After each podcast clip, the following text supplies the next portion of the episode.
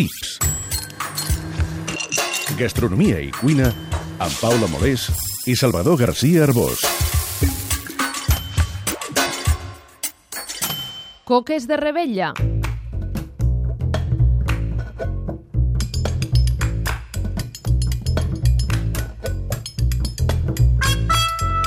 Per la nit de Sant Joan, qui més qui menys tastarà coca amb cava, vi dolç i algun licoret i tirarà petards, i els que no fugiran lluny del foc i del soroll.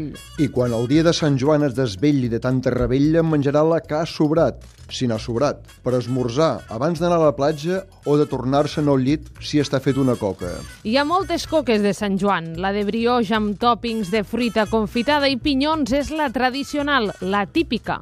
També hi ha coca de xocolata. I sobretot coca de Sant Joan amb crema. La crema va ser la primera alternativa per als que fan fàstics de la fruita confitada i segueixen la tradició llepafils de deixar-la a la vora del plat. I la de la pasta de full la van introduir a la segona meitat del segle XX pastissers de Barcelona amb clients first class encaparrats amb separar-se de la plebe. Van canviar el brioix a farta pobres per una coca de llardons amb pinyons i sucre, més a prop de la pasta seca que de les coques i encara més a prop i apropiada per carnestoltes. I això que les coques ancestrals eren tortells com a commemoració del ritu solar del solstici d'estiu. I avui, en aquest país de dolces i pastissos, de dates fixes i de festes anyals, la coca té un sentit sacramental, sagrat, conscient o inconscient, sigui per celebrar el naixement de Sant Joan Baptista o el solstici. I perquè tinga efectes màgics, la coca s'hauria de menjar a partir de la mitjanit. No us penseu pas que això és una bicoca, volguent de verbena i ser una coca. El personal se'n vol endur a la boca, del més espavilat o més tanoca. Deu ser la confitura que els provoca. Només sortir al carrer tothom s'hi aboca. M'han dit que aquest destí és el que em pertoca, i a mi de gràcia no me'n fa ni gota.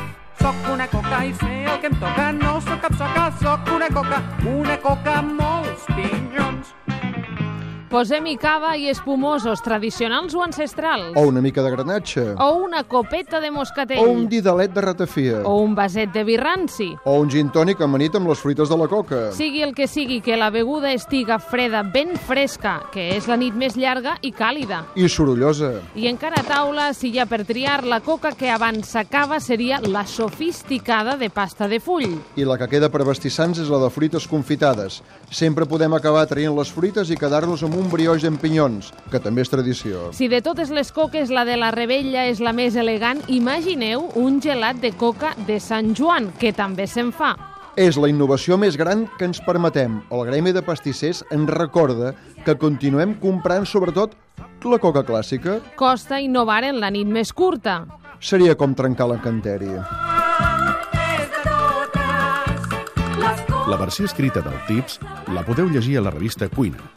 I si no us en voleu perdre cap, també us podeu subscriure al podcast del programa. És la coca